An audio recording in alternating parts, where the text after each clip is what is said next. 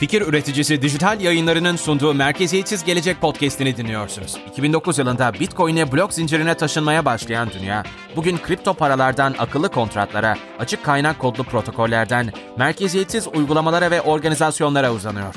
Siz de merkeziyetsiz geleceğe giden gelişmeleri, inovasyonları, sektörden haberleri, Furkan Saatçioğlu ve Doğancan Ertaş'ın derlediği ve yorumladığı haftalık Merkeziyetsiz Gelecek podcast'inde dinleyin. Kemerlerinizi bağlayın ve yolculuğun tadını çıkın. Merhabalar herkese. Her hafta yarının zincir üstü dünyasını bugünün gelişmelerine bakarak yorumladığımız Merkeziyetsiz Geleceğe hoş geldiniz. Ben Doğan Caner Ertaş. Ben Furkan Saatçıoğlu. Furkan hoş geldin. Bugün Hoş bulduk. bugün e, yasaklar konuşacağız. Bugün baskılar, baskı rejimleri, blok zincirin üzerindeki Bitcoin üzerinde oynanan oyunlardan, yasaklardan, regülasyonlardan bahsedeceğiz. E, burada şimdi e, negatif etkilerinden bahsedeceğimiz gibi pozitif noktaları da olabilir e, dedin. Borsalar için, e, regüle borsalar için faydaları olabilir dedin. Şimdi Çin'den ilk haberimiz Çin'den geliyor. Hiç şaşırtmadı bu. Çin'den yasak haberi gelmesi bizi. 5 yıldır her 3 ayda bir yasak haberi zaten geliyor. E, bu sefer ne oldu Furkan? Doğancan bildiğin gibi Çin yasakları çok seviyor. Zamanında internet yükseldiğinde internetle gelen platformları da Google'ı, YouTube'u e, yasaklamasıyla ünlü bir e, otokrat ülkeden bahsediyoruz. O yüzden blok zincirle mücadele etmesi de bizi şaşırtmadı. Ama Çin'in bir şeyleri yasaklamaya e, daima eğilimi olduğu için piyasa her seferinde garip bir şekilde bunu çok sürpriz bir habermiş gibi negatif fiyatlıyor ve fiyatları düşürüyor. Ee, genellikle belli bir süre sonra yasağın herhangi bir eyleme yansıması görülmüyor. O yüzden etkisi sönüyor ve fiyatlar tekrar yükselmeye başlıyor ve her döngüde Çin'in yasak haberleri belli bir oranda etkiliyor piyasayı. Ama bu sefer sanki farklı bir şeyler var. Biraz işler ciddileşti. Ee, çünkü doğrudan eyleme geçti Çin. Bunda kendi dijital yuanını çıkartması ve e, buna herhangi bir şekilde alternatif oluşturacak e, coinlerin önüne geçmesi görülebilir. E, tabii ki bahanesi de ülkenin elektrik tüketimine olan etkisi.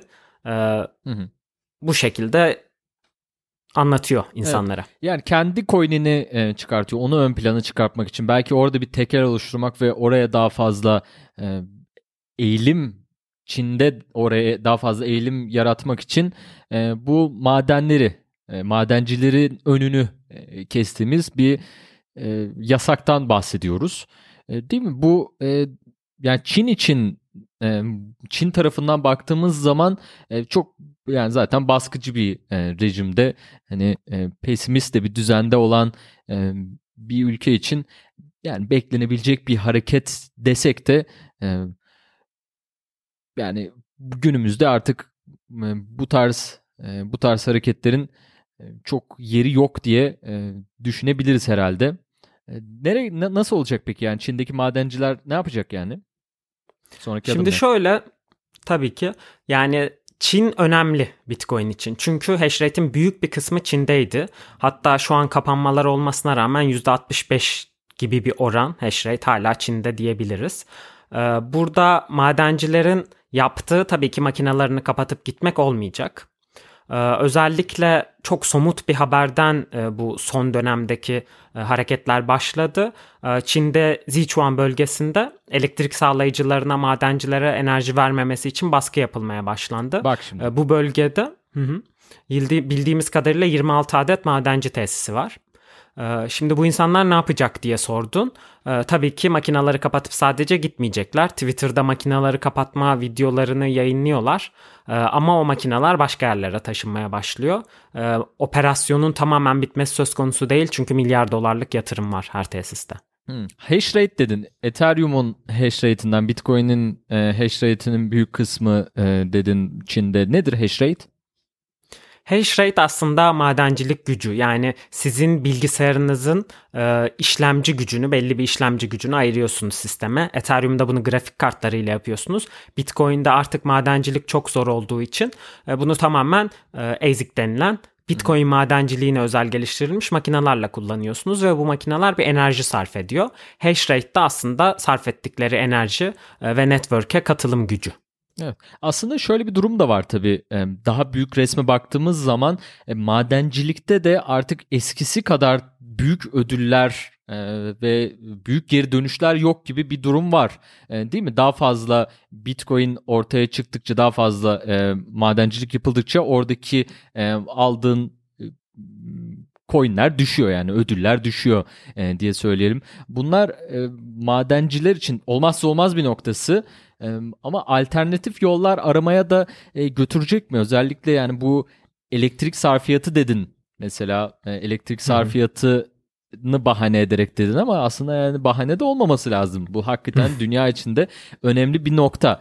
E, ve e, diyorsun ki Bitcoin'in %20'si %20'lik enerji içinden geliyor. Ethereum'un yine e, o oranda. Şimdi yani buna da bir dur demesi dünya içinde iyi bir adım gibi gözükmez mi? Ee, iki farklı açıdan ele aldın. Bir elektrik tüketimi. Ee, Bitcoin'in algoritmasını elektrik tüketen Proof of Work'ten e, çıkarmak gibi bir planı yok şu an için. O yüzden Bitcoin tamamen e, elektrik tüketimine dayanarak güvenliğini sağlamaya devam edecek. E, ama dediğin gibi ödüller her 4 yılda bir yarılanıyor e, ve fiyatının aynı oranda artması gerekiyor ki Bitcoin bazında yarılanan ödüller nakit olarak karşılığını versin madencilerin operasyonlarının. E, bu şekilde Bitcoin çark etmese de planlarını e, Çin'den ayrılması ikinci anlamda yani bu network'ün daha çok dağılması anlamında faydalı olabilir.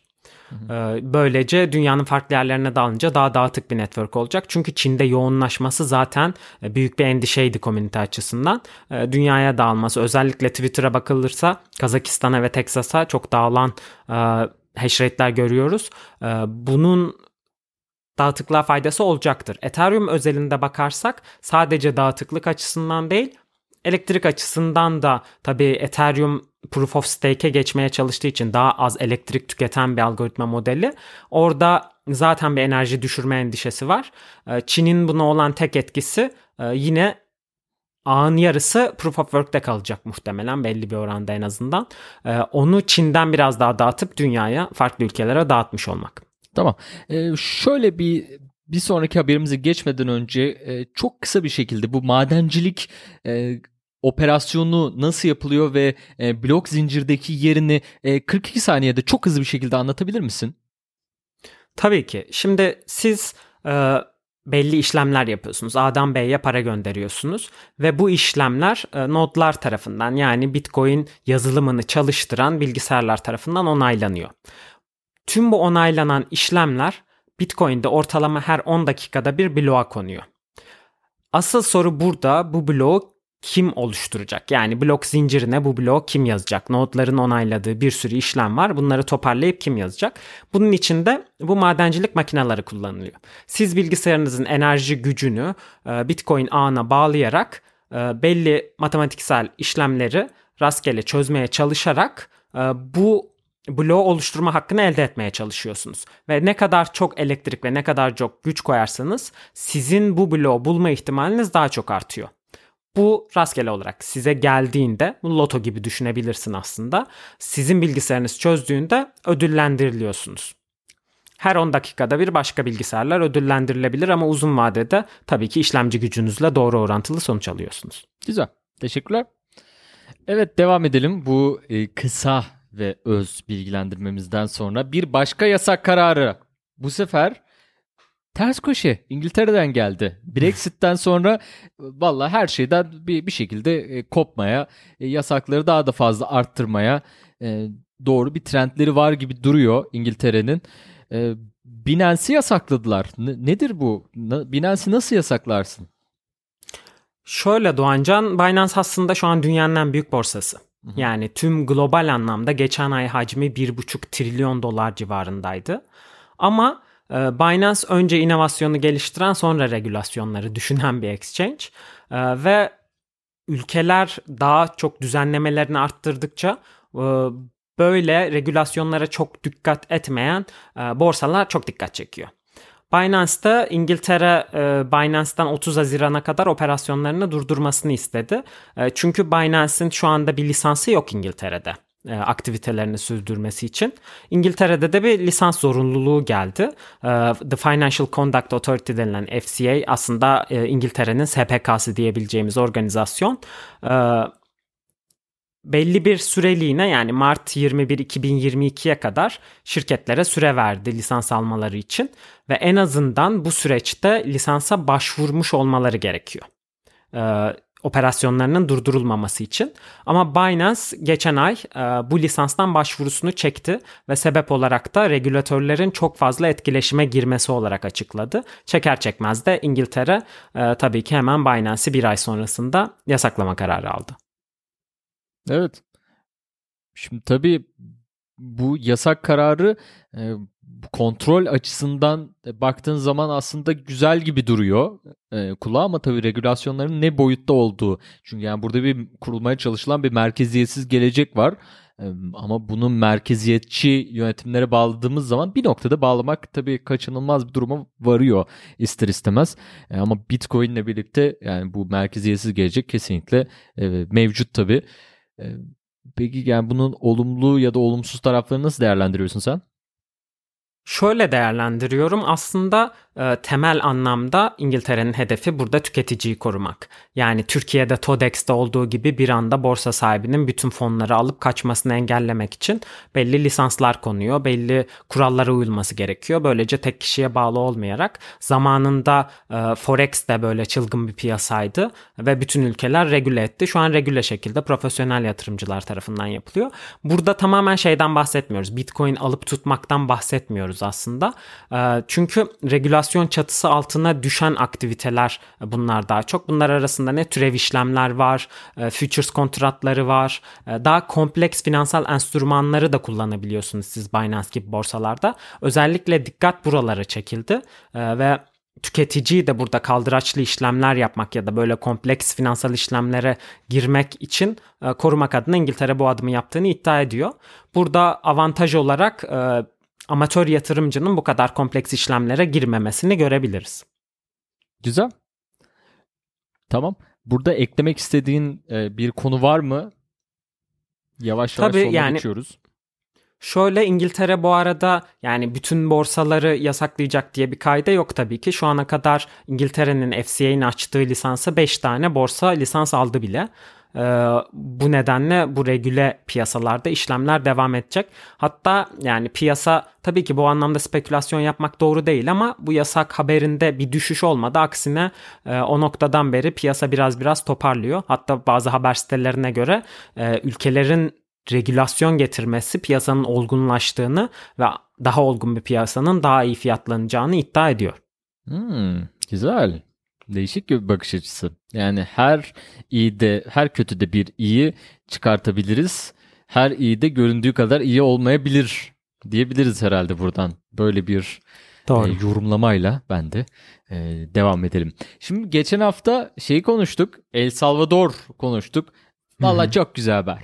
Tamam biraz hadi keyifli bitirelim. Çok yasaklar vesaire e, konuştuk. Programı biraz keyifli bitirelim. E, El Salvador maşallah diyoruz e, kendileri Bitcoin'i adapte ettiler. Bitcoin'le e, ödeme alma e, üzerine hatta yeni bir e, startup oluşturdular. E, yani devlet destekli bir tane startup oluşturdular. İlk tweetini attı geçen hafta. Ee, evet. Bunlar bunlar var. El Salvador'da güzel hareketler oluyor. Şimdi tabii e, bu El Salvador'daki ateşi de, kim devam ettirecek? O bayrağı kim alacak? İlk kim çıkacak? İnsanlar, e, ülkeler pardon sıraya girdi e, herhalde. Tabii önce Güney Amerika e, var. Güney Amerika'daki hemen komşu ülkeler e, burada e, özellikle lobiler yani kongrelerde e, bu politikacılar lobilere başladılar e, sırada. İşte burada haberlerde e, birkaç yerden doğrulayarak bunları e, farklı yerlerden bakıyorum. Birçok ülke var aslında sırada. E, bunların arasında en öne çıkanı Paraguay gibi gözüküyor. E, Paraguay'da yani bunlar tabii hemen işte yarın olacak bir proje değil. Yani hepsinde hı hı. 12 aylık bir şeyden bahsediliyor. E, 12 aylık bir adapte olma sürecinden belki de 12 aylık bir projeden bahsediliyor. E, Panama var, e, Meksika burada e, gündemde Venezuela, Brezilya, e, Arjantin, e, yine burada gündemde gözüküyor. Brezilya tabii burada arkada kalır mı? E, şey var tabii Güney Amerika'da ve e, Orta Amerika dışında e, sadece bir yerde daha bir konuşuluyor. O da Malta. E, Malta'da tabii bir vergi cenneti ve ekonomisi devamlı büyüyen şeyleri de nüfusu da çok büyüyor galiba. Nüfusu da şu son zamanlarda hep onları görüyorum. E, nüfusunda çok ciddi bir artış var. E, onunla birlikte de yani bu Bitcoin de onlar da destekliyor. O, buradaki kalesi de Bitcoin'in belki onlar o e, Malta olabilir. Ne, ne dersin bunlara? Şimdi Malta özelinde bakacak olursak zaten Malta kripto dostu bir coğrafya oldu son dönemlerde. E, hatta pek çok kripto şirketinin merkezi de Malta'da. E, bu bağlamda e, Malta evet oraya küçük bir ev. E, Latin Amerika ülkelerinde ve diğer ülkelerde daha çok gelişmekte olan ülkelerde gördüğümüz bu Bitcoin'i e, para birimi yapma eğilimi de gerçekten ekonomilerini daha geliştirebilmek, belki biraz Bitcoin turizmini çekebilmek, aynı zamanda e, sonuçta enflasyon çok yüksek. Belki enflasyonu kodunun içerisinde bir para birimini benimseyerek bu enflasyonla mücadele etmek e, çeşitli motivasyonları olabilir. E, burada gelişmekte olan ülkeler e, dolar ve rezerv para birimi olarak kullanırken çoğu özellikle Latin Amerika'da. Şimdi Bitcoin'e kaymaları aslında global bir trendin habercisi gerçekten bu bağlamda katılıyorum sana. Kesinlikle. Valla ben politikacılardan genelde tabii hepsi genç politikacılar bunların. E, 40 yaş altı e, politikacılar gibi gözüküyor. E, Paraguay'dan yine e, sözü geçen bir e, bir politikacı Carlitos Rahela e, gözleri yakmış 100 bine. e, o da e, lazerleri lazerleri yakmış Twitter'dan. Mevzu Twitter'da. Evet. Lazerleri yakınca mevzu biraz değişiyor. Ee, bakalım göreceğiz ee, önümüzdeki günlerde ne olacak. Şöyle diyebilir miyiz peki? Ee, dünya artık gitgide bu Bitcoin'e ısınıyor. Kanı e, Bitcoin'e daha fazla kaynıyor ülkelerinde. Tabii Bitcoin değerini gösterdikçe, e, yıkılmaz bir defter tuttuğunu gösterdikçe yani 2009 yılında e, white paper ile başlayan süreçte daha sonra 2010'da e, transaction'lar üzerine yazılmaya başlandı ve o dönemden beri e, ne kimse hackleyebildi e, gerçekten ağın kendisini ne yazılan verileri değiştirebildi. Gerçekten güzel çalışan ve zor dönemleri atlatan bir algoritma olduğunu gösterdi. Bu yüzden bu eğilimi böyle anlamak mümkün. Ee, lazer gözlere gelince bu arada dinleyicilerimizden bazıları lazer gözün ne anlama geldiğini bilmiyor olabilir. Onu da açıklayalım. Aslında burada e, Bitcoin'e 100 bin dolar hedef koyan e, kripto Twitter kullanıcılarının başlattığı bir akım. Yani Bitcoin 100 bin dolara ulaşana kadar gözlerimizde lazerleri tutacağız dediler. E, bu daha sonra sıçradı ve ünlülere, politikacılara, herkese e, yansıyan bir akım oldu. E, en son dediğin gibi Latin Amerika ülkeleri eklemeye başladı. Ayrıca Doğancan'ın e, görselinde de bizim cover artımızda lazer gözleri görebilirsiniz. Doğancan da gözleri 100K'ya dikmiş durumda. Diktik, diktik. To the moon. Ay'a yolculuk. e tabii canım 72'den beri Ay'a gitmiyoruz dünya olarak. Bari Bitcoin'le gidelim Ay'a nedir? Evet, dünyanın e, gördüğü son zamanlardaki e, en büyük inovasyonlardan blok zincir ve e, Bitcoin teknolojimiz, e, sevgili teknolojilerimiz e, bizimle birlikte büyümeye, gelişmeye devam ediyor. E, her hafta bu programda merkeziyetsiz gelecekte e, blok zincirdeki gelişmeleri anlatmaya devam edeceğiz. Furkan Saatçioğlu ile birlikte e, Program oldukça keyifli. Dinleyicilerimize Furkan son söylemek istediğin bir şey var mı kapatmadan? Dinleyicilerimize e, fiyat volatillerine daima dikkat etsinler. E, gereksiz risk almasınlar ama bu teknolojinin de mutlaka bir parçası olsunlar demek istiyorum. Bak çok güzel söyledin. Gerçekten beklemiyordum ama güzel bir yerden girdin. Teşekkür ediyoruz. E, bir anda girmemek lazım. E, bodozlama parça parça diyelim. Efendim bizi Twitter'dan e, merkeziyetsiz gelecek adresimizden takip edebilirsiniz. Her yerdeyiz. Spotify, e, Apple Podcast ve videocast olarak, videolu olarak bizi canlı görmek isterseniz de e, YouTube'dan da bizi takip edebilirsiniz. Bizi takip etmeniz gerçekten çok önemli. Bu, bu programı e, keyifle yapıyoruz. Her hafta sizinle e, sunabilmemiz için e, bize de bir enerji olacaktır. Diyelim ve haftaya görüşmek üzere. Hoşçakalın. Görüşmek üzere. Hoşçakalın. Fikir üreticisi dijital yayınlarının sunduğu Merkeziyetsiz Gelecek podcast'ini dinlediniz. Bu bölümü beğendiyseniz lütfen Apple Podcast'te yorum yazıp podcast'i değerlendirin. Çünkü bu podcast'i her gün daha iyiye götürebilmek için değerli fikirlerinize ihtiyacımız var. Teşekkürler.